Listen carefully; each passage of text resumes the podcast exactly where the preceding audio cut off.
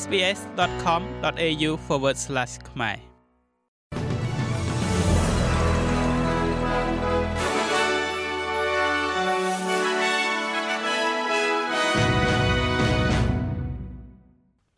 សូមស្វាគមន៍មកកាន់នេតិព័ត៌មានខ្លីៗរបស់ SPS ខ្មែរសម្រាប់ការផ្សាយនៅថ្ងៃអង្គារទី16ខែតុលាឆ្នាំ2023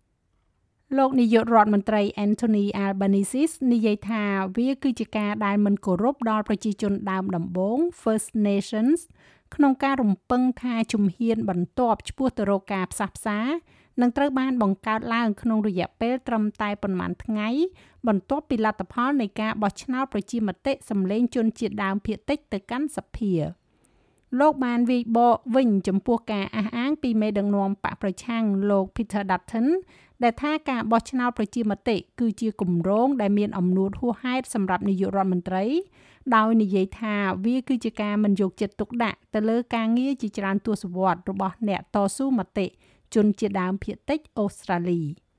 ការវិភាគថ្មីដែលបានចេញផ្សាយនៅថ្ងៃនេះពីស្នងការរៀបចំការបោះឆ្នោតអូស្ត្រាលីហាក់ដូចជាបញ្ជាក់យ៉ាងច្បាស់ពីភាពរឹងរូសរបស់រដ្ឋាភិបាល ដែលថាការបោះឆ្នោតប្រជាមតិគឺជាអ្វីដែលសហគមន៍ First Nation ចង់បានទិន្នន័យបង្ហាញថានៅក្នុងចំណោមមណ្ឌលបោះឆ្នោតចំនួន10សម្រាប់ការបោះឆ្នោតប្រជាមតិដែលមានប្រជាជនជនជាតិដើមភាគតិចច្រើនជាងគេ9នៅក្នុងចំណោមនោះបានទទួលសម្លេងឆ្នោត Yes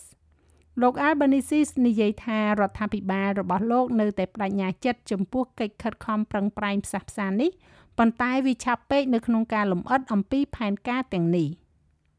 ជាមួយគ្នានេះរដ្ឋមន្ត្រីការបរទេសលោកស្រី Penny Wong មានប្រសាសន៍ថារដ្ឋាភិបាលកំពុងតែព្យាយាម បើកច្រករបៀងមនុស្សធម៌ចេញពីតំបន់ Gaza Strip ដើម្បីអនុញ្ញាតឲ្យប្រជាជនអូស្ត្រាលីដែលជាប់នៅក្នុងអំពើហិង្សានោះរត់ភៀសខ្លួន ប្រជាជនអូស្ត្រាលីប្រមាណជា45នាក់នៅតែស្ថិតនៅក្នុងតំបន់ហ្គាហ្សាជាមួយនឹងលទ្ធភាពប្រើប្រាស់ទឹក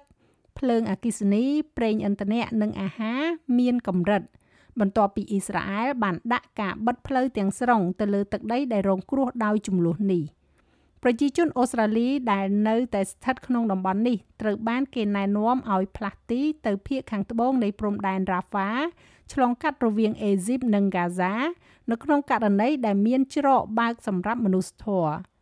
រដ្ឋមន្ត្រីការបរទេសលោកស្រី Penny Wong មានប្រសាសន៍ថាមិនមានការធានាថាវានឹងកើតឡើងនោះទេ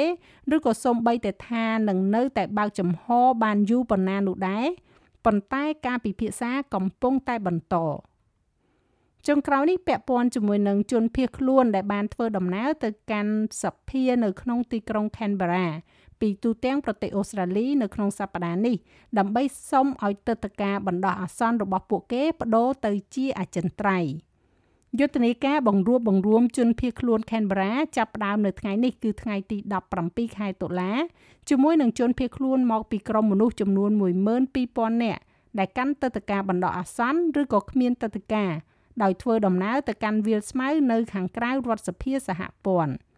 ក្រុមនេះដែលខ្លះកាន់ទឹកតការបណ្ដោះអាសន្នអស់រយៈពេល11ឆ្នាំមកហើយនោះកំពុងតែតវ៉ាអំពីស្ថានភាពបណ្ដោះអាសន្នរបស់ពួកគេ ដែលអនុញ្ញាតឲ្យពួកគេធ្វើការនិងបង់ពន្ធប៉ុន្តែបដិសេធពួកគេនៅសិទ្ធិបោះឆ្នោតឬក៏ទទួលបាននៅសេវាគាំទ្រមួយចំនួន។ វាកាលឡើងបន្ទាប់ពីរដ្ឋមន្ត្រីក្រសួងអន្តោប្រវេសន៍លោក Andrew Giles និងរដ្ឋមន្ត្រីក្រសួងមហាផ្ទៃលោកស្រី Claire O'Neil បានប្រកាសផ្ដល់នូវមូលនិធិចំនួន160លានដុល្លារដើម្បីដោះស្រាយការទាមទារសិទ្ធិជ្រកកោននៅដើមខែនេះជាមួយនឹងការដាក់ពាក្យថ្មីត្រូវបានតាមដានយ៉ាងឆាប់រហ័ស